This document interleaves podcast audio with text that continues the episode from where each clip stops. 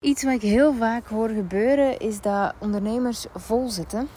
En dan bedoel ik niet per se dat ze zwanger zijn of weet ik veel wat, maar dan heb ik het over het feit um, dat hun agenda vol zit. Uh, dat ze niemand meer kunnen aanvaarden. Dat ze bijvoorbeeld een gigantische wachtlijst hebben. En zo verder en zo verder. Dus eigenlijk is er geen ruimte. Nu, um, waar dat heel veel ondernemers daar ook echt trots op zijn, want dan zeggen ze van ja, hè, ik, ik ben helemaal volzet, de max, super. Uh, is het ook een beetje kut. Want langs de andere kant um, wil dat dus zeggen dat je bepaalde mensen niet kunt bedienen die eigenlijk echt je hulp nodig hebben.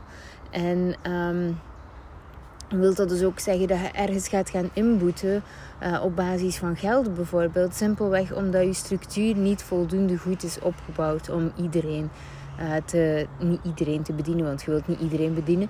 Maar ik bedoel, um, dat de structuur niet voldoende genoeg is opgebouwd dat je niet kunt bedienen wie dat je graag wilt bedienen. Dat is een structureel probleem. Um, en, en dat is natuurlijk vrij jammer. En ik zeg niet dat het nooit voor kan komen. Ik heb het bijvoorbeeld voor gehad um, bij de lancering van Money Unlimited. Daar had ik uh, te weinig. Uh, te weinig, ja. Ik, ik had niet verwacht dat de lancering such a big thing ging zijn. Uh, dus ik had uh, het 50 boeken besteld. Dus waren er al het 50 door nog voordat de deuren dicht gingen gaan. Uh, en dat was nu wel een klein beetje een, een, een mindfuck. Dat ik dacht, fuck. en ik kan, ik kan ze bijbestellen, maar het duurde vier weken eer dat ze kwamen. En ik wilde eigenlijk geen mensen vier weken op het boek laten wachten. Terwijl dat ze gestart waren. Dus het was een keuze. Ik had het natuurlijk wel kunnen doen. Uh, maar het was een keuze en ik wilde eigenlijk liever niet mensen uh, op kwaliteit laten inboeten, simpelweg omdat ik een fout had gemaakt. Dat is ook een keuze. Hè? Um, dus, dus ja, het, het, overkomt mij ook wel eens, maar waar dat het mij nooit gaat overkomen, is op basis van uh, de structuur van mijn bedrijf. en, en dat is wel een vrij belangrijke. Waar houd jij jezelf structureel tegen? Simpelweg omdat het gewoon niet goed genoeg uh, georganiseerd is binnen uw bedrijf. Um, en, en, en die is wel echt heel belangrijk om te weten. Want wat gebeurt er eigenlijk? En ik heb het wel vaker gehad. Um, dat ik bijvoorbeeld klanten had die zeiden van ja, maar um, mijn onderneming draait supergoed en ik krijg mijn klanten binnen. Maar op de een of andere manier moet ik altijd uh, trekken en sleuren toch. Op de, op de een of andere manier moet ik dan... Het bedrijf draait goed, maar ze hebben toch het gevoel van... Hey, mensen contacteren ons niet vanzelf om met ons te werken. En um, dan, dan kom ik eigenlijk bijna altijd uit op het stukje van... Ja, hoe, hoe komt dat? En dan blijkt dat er eigenlijk heel uh, uitgebreid is gecommuniceerd dat ze vol zet zitten. Um, dus, en dat kan maanden op voorhand zijn, maar als jij te vaak roept in je bedrijf: Ik ben vol zet, ik heb geen plaats meer, laatste plaatje, weet ik veel wat. Wat gebeurt er dan? Mensen die stoppen met proberen, die denken: Oh, maar die heeft toch nooit plaats. En, en, en ze geven op voordat ze nog maar proberen. Dus als jij een bepaalde marketing uh, voert rond, ja, ik ben altijd volzet en ik heb nooit plaats, dan gaan mensen zelf niet proberen om met je te gaan werken. En dan stoort je dus energetisch mensen af die eigenlijk dolgraag met je willen werken. En natuurlijk, um, waar dan mijn bedrijf eigenlijk rond gebaseerd is, is om zoveel mogelijk uh, te gaan toveren met tijd, energie en geld. En te zorgen dat je zo weinig of zo, zo min mogelijk moet werken voor het maximale resultaat it ain't gonna happen when you do this, weet wel? Uh, dus dat is wel echt een vrij belangrijke om, om te beseffen van hoe vaak roept jij dat je volzet bent. En natuurlijk is er ook een bepaalde um, factor en dat is dan urgency. Is um, als mensen niet de nood voelen om met je samen te werken voor een bepaald topic, dan gaan ze ook niet instappen. Dus je hebt natuurlijk urgency op hè, de beperkte plaatjes. Nog, nog maximum uh, drie plekjes en dan is het volledig volzet bijvoorbeeld. Ja, dat is wel... Uh, uh, veel mensen vinden dit lekker en veel mensen doen dit ook. Maar um, je hebt al gehoord wat ik daarvan denk. ik denk dat je zelf daar regelmatig de das mee omdoet. Omdat mensen dan stoppen met proberen. Uh, en tegelijkertijd, wat ik al zei, was dat je wel een bepaalde nood, een bepaalde urgency gaat moeten creëren voordat mensen ook wel degelijk um, actie gaan ondernemen. En ik weet dat dit altijd een, um, een topic is waar daar heel veel mensen, um, waar daar heel veel mensen een andere mening over hebben en zo verder. In, mijn, in mijn ogen gaat het over de intentie. Is het, en Suzanne zegt het zo mooi, is het de grote, ik ga het op haar manier zeggen, maar met mijn naam. Uh, is het de grote Kim-show? Ja, dan uh, kan ik ook urgency inzetten, omdat ik zoveel mogelijk mensen in mijn, mijn programma wil. Uh, of ik kan urgency inzetten um, om eigenlijk de juiste mensen waarvan ik weet dat ze eigenlijk echt mogen geholpen worden, maar die nog net dat duwtje in de rug nodig hebben uh, om in te kunnen stappen. En ik beweeg altijd vanuit die laatste intentie. En ik denk dat je zelf heel goed weet uit welke intentie dat je beweegt.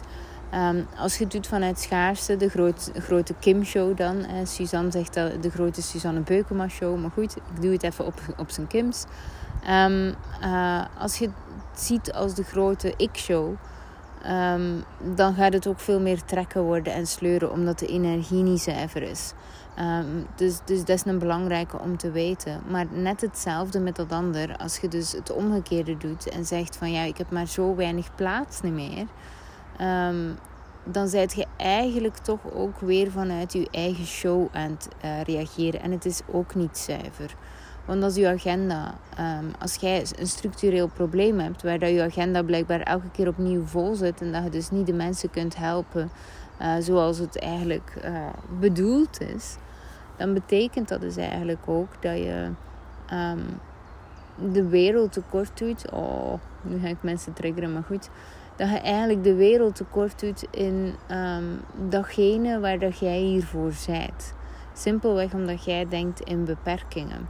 Omdat hij dus blijkbaar, uh, um, en, en daar is niks verkeerd mee, begrijp me niet verkeerd. Maar dus blijkbaar dat jij niet in staat bent om de structuur zodanig op te bouwen dat er eigenlijk uh, overvloed en ruimte is om, om mensen te kunnen helpen.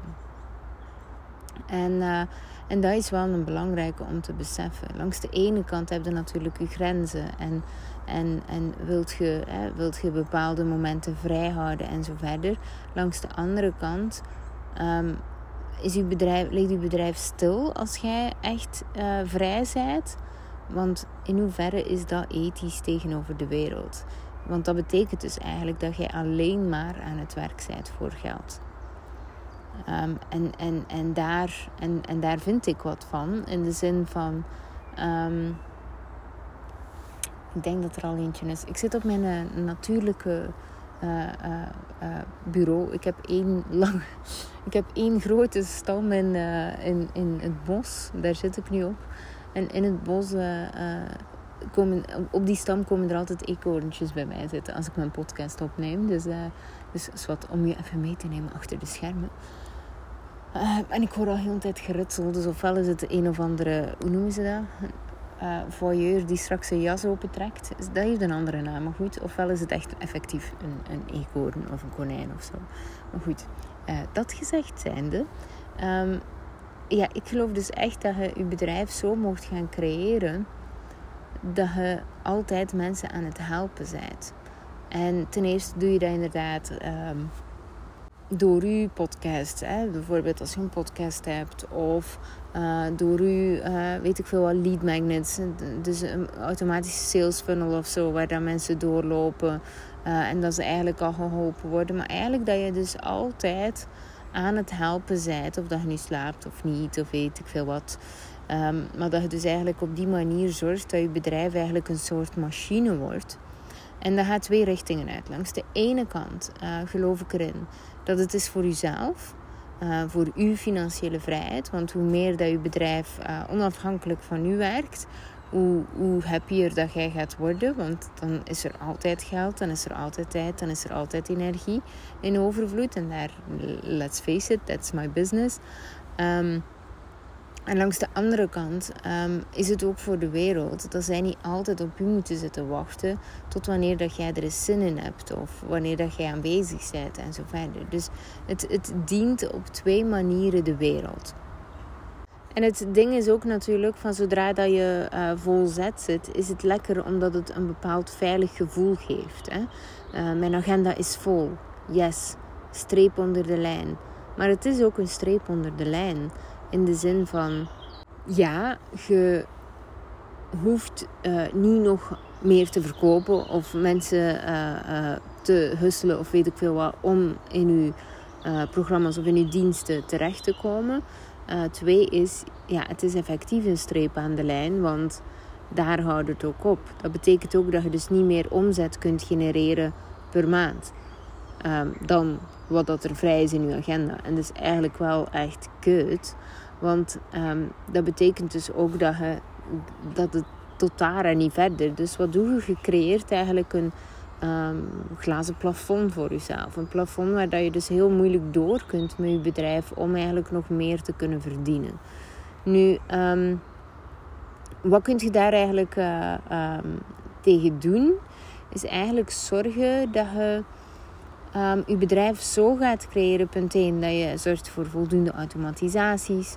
Dat je zorgt um, dat, dat, ja, dat, ja, automatisaties, vooral voornamelijk automatisaties, dat je eigenlijk zorgt dat de dingen lopen, zelfs als jij daar niet bent. En dat ook Nee, niet ook, want het is ook een automatisatie. De, het grote merendeel zit hem in het feit dat je blijkbaar nog veel te veel aan het werken bent, nog veel te veel uurtje factuurtje aan het doen bent, uh, waar dat je dat eigenlijk totaal niet nodig hebt. En een goede tip daarin is, en, en ik ben hier heel gevoelig aan, als ik iets moet herhalen, dan word ik chagrijnig. Ik, uh, ik, ik voel mezelf heel snel een, een papegaai. Uh, en, en Manu weet het ook. Als hij drie keer iets aan mij vraagt, dan wil ik het niet meer zeggen. Klinkt heel kinderachtig, maar ik heb echt zoiets van... Uh, zo onvervullend om dit te moeten doen. Dus ik heb een bepaald ding dat als ik voel dat ik uh, twee à drie keer iets moet herhalen... Alles tegen mijn assistenten, alles tegen mijn deelnemers, alles tegen Manu, alles tegen who cares?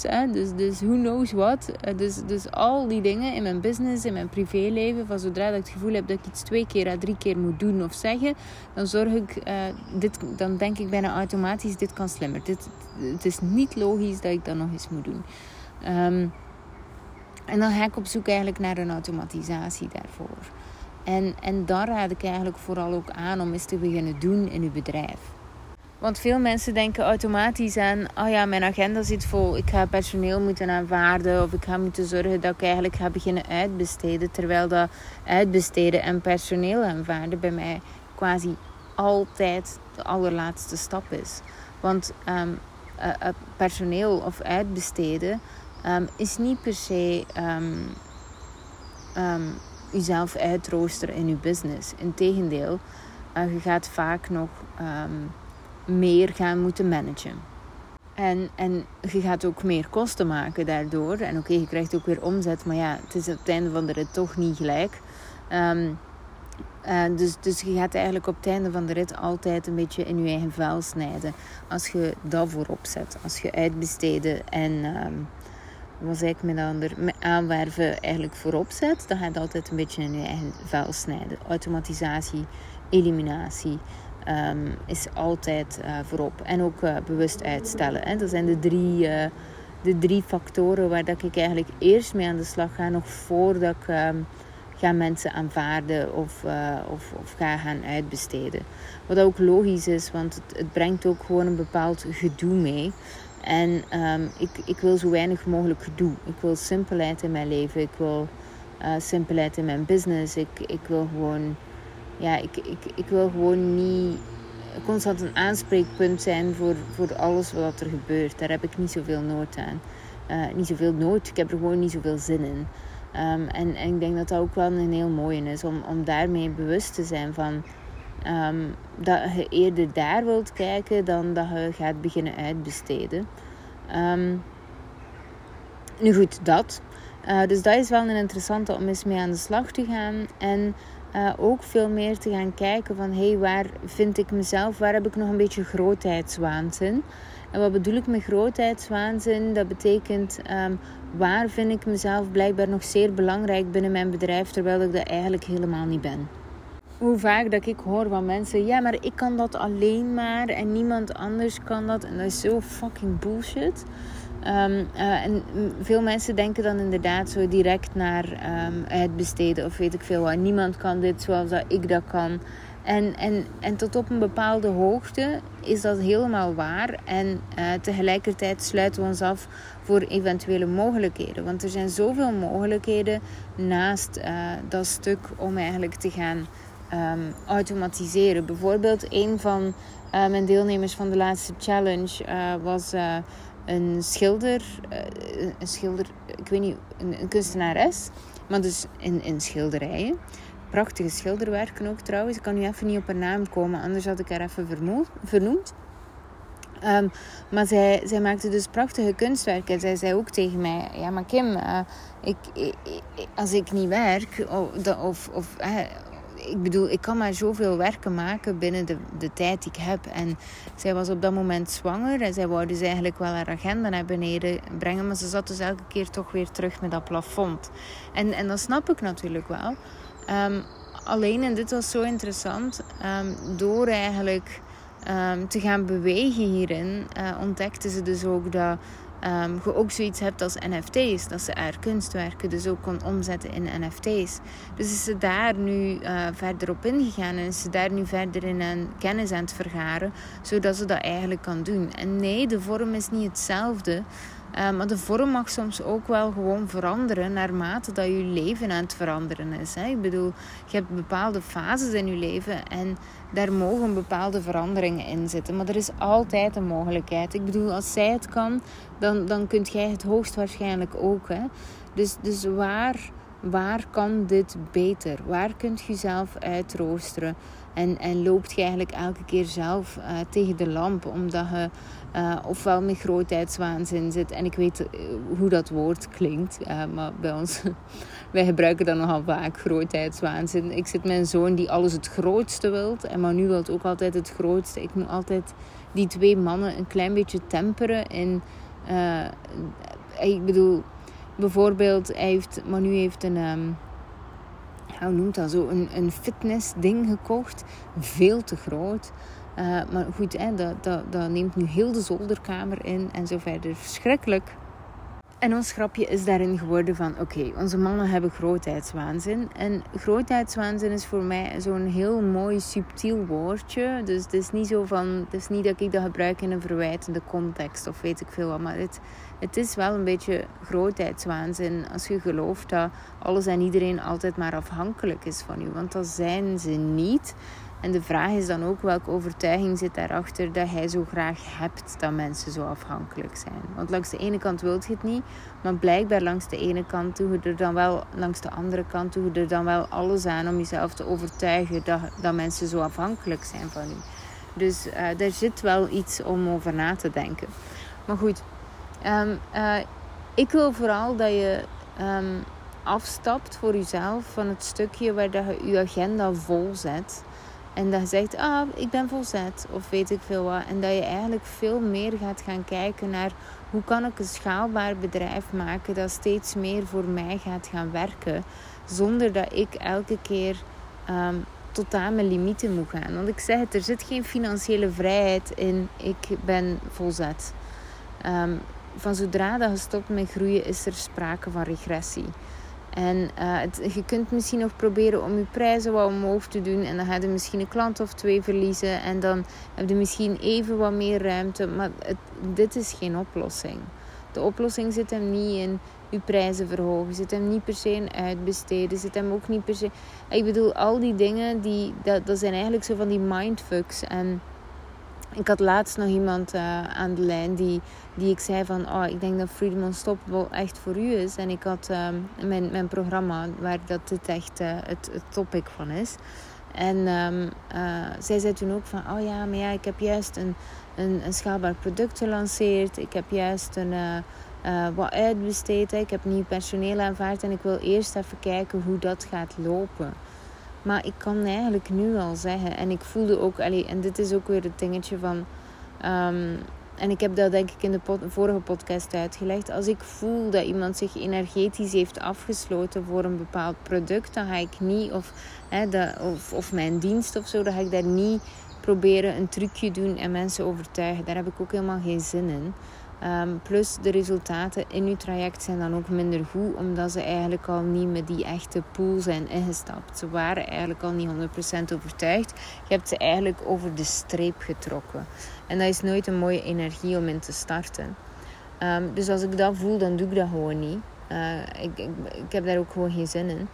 Um, dus ik ben opgehouden met daarop door te gaan. Maar ik weet nu wel al dat het gewoon pleisters zijn. En dat het volgend jaar gewoon weer hetzelfde, maar in een andere vorm is. Dat probleem is. En dat er eigenlijk helemaal niks is opgelost. Want het, het probleem zit structureel veel dieper dan, um, dan een paar pleisters plakken. Dus als je eigenlijk wilt gaan zorgen dat je een bedrijf gaat gaan creëren dat voor u begint te werken naar financiële vrijheid, zodat je eigenlijk jezelf kunt uitroosteren, dan moet je veel dieper gaan. Dan moet je echt gaan kijken naar wie ben ik, uh, wat is mijn missie, wat is eigenlijk mijn thema in mijn bedrijf.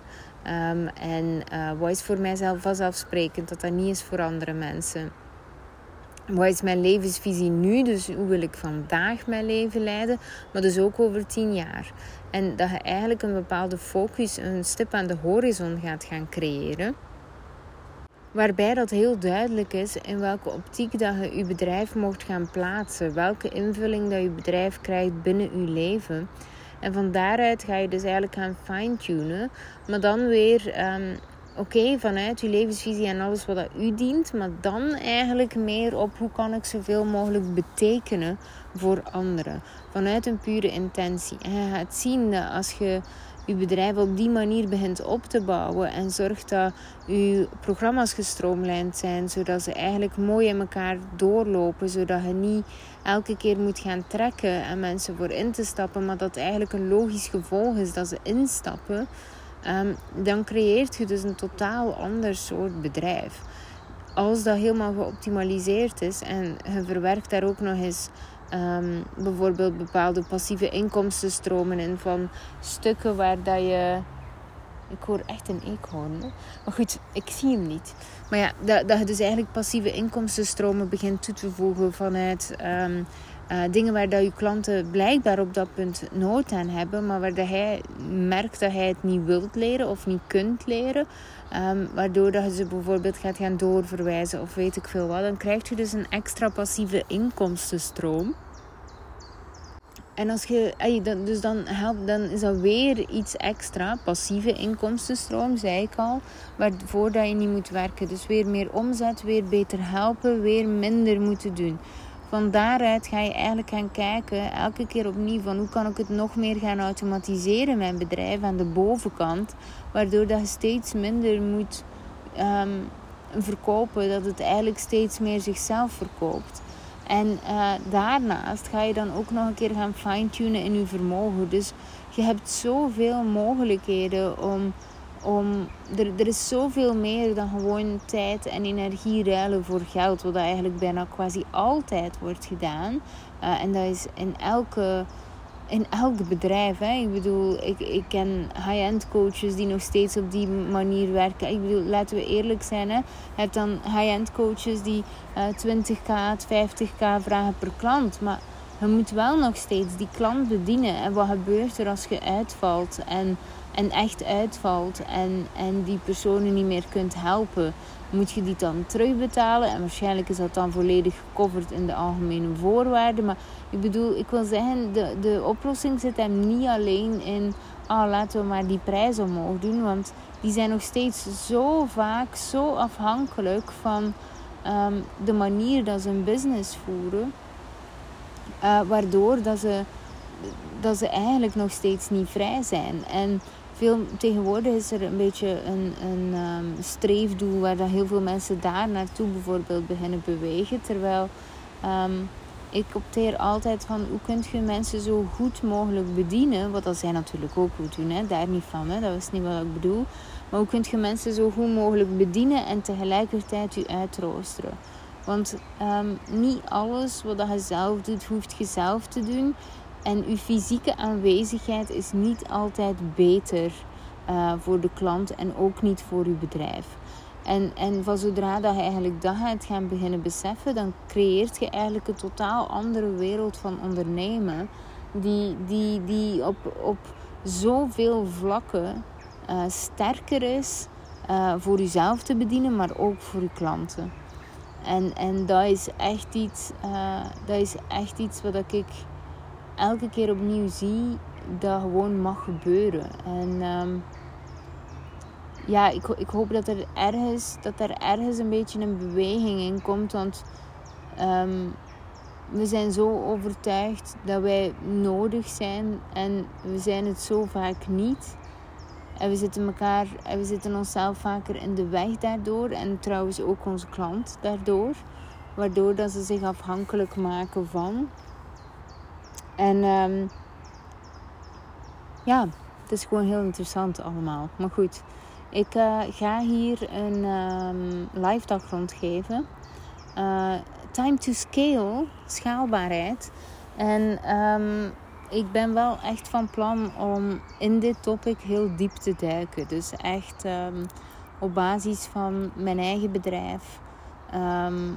Want, want ik bedoel, ik kan het hier heel inspirerend zeggen en zo verder. Maar ik, ik kan het veel beter aantonen als ik gewoon een hele dag de ruimte krijg om gewoon eens te deep diven en gewoon aan de hand van cijfers kan aantonen wat dat er nu eigenlijk gebeurt als je uh, gaat gaan schalen. Dus als jij het gevoel hebt van hé, hey, ik, ik, ik ben een van die personen en ik zit echt wel tegen mijn plafond en, en, ik, en ik wil wel meer, maar het enige dat ik inderdaad altijd kan doen is ofwel gaan uitbesteden ofwel um, uh, personeel aanvaarden of, ofwel mijn prijzen omhoog doen. En ik zie het niet zo helder naar waar dat ik, uh, ja, ik weet dat ik kan schalen, maar hoe kan ik schalen op een manier uh, dat ik mezelf kan uitroosteren en toch nog steeds, want dat is sowieso, hè, bij mij komt het niet binnen als dat niet zo is, maar dat ik ook nog steeds een uh, grote missie heb om de wereld beter te maken en, en impact wil maken. En um, ja, dat, uh, ja, dan, dan zou ik zeggen van kom gewoon af, want het, het wordt echt een... Um, ik ben er nu al aan begonnen omdat ik hem echt heel hard voelde. Hij is 12 juli. Uh, het is kimdegraven.be slash live dag. Uh, en als het trouwens al later is dan 12 juli, dat is altijd de link van mijn live dagen. Dus uh, als je die intikt, uh, dan kom je eigenlijk altijd op de eerstkomende live dag terecht. Um, dat is ook een vorm van automatiseren. geen linkjes laten verlopen waar dan mensen, potentiële klanten dan op klikken. En, en dat er dan op staat, oeps, uh, deze pagina bestaat niet meer of zo. Kan altijd eens gebeuren, maar probeer dit te minimaliseren door eigenlijk uh, links te gebruiken die altijd toegankelijk zijn. Um, maar goed, dat is waar ik het over wil hebben, time to scale. En daar gaan we het dus effectief hebben over schaalbaarheid. Uh, is specifiek voor mensen die tegen een plafond aanlopen, ofwel qua geld, ofwel qua tijd, ofwel qua energie. Uh, maar voornamelijk op het feit van ofwel zit je vol met je agenda en durft je bijna geen reclame niet meer maken, omdat je, ja, omdat je, omdat het er gewoon simpelweg niet meer bij krijgt. Ofwel kiest je ervoor om, om om dus echt in te boeten op tijd en energie en dus constant over uw grenzen te gaan. Dus het is één van de twee. Uh, maar goed, kimdegraven.be slash live dag. Uh, het is nog tot volgende week een early bird prijs. Dus je betaalt nu nog 97 euro exclusief in plaats van 121 euro exclusief. En uh, ja, dan, dan zie ik u heel, heel, heel graag komen dan. Het is vakantie. Het is in de zomervakantie. Dus uh, ik, uh, ik, ik heb er gewoon heel veel zin in eigenlijk. Het is de laatste live dag voordat ik uh, terug ga gaan rondreizen. En we gaan naar Italië trouwens. maar goed. Nu ga ik heel mijn vakantie vertellen. Nee, goed. en, en, en daar heb ik ook wel heel veel zin in. Maar goed, dat, dat, dat.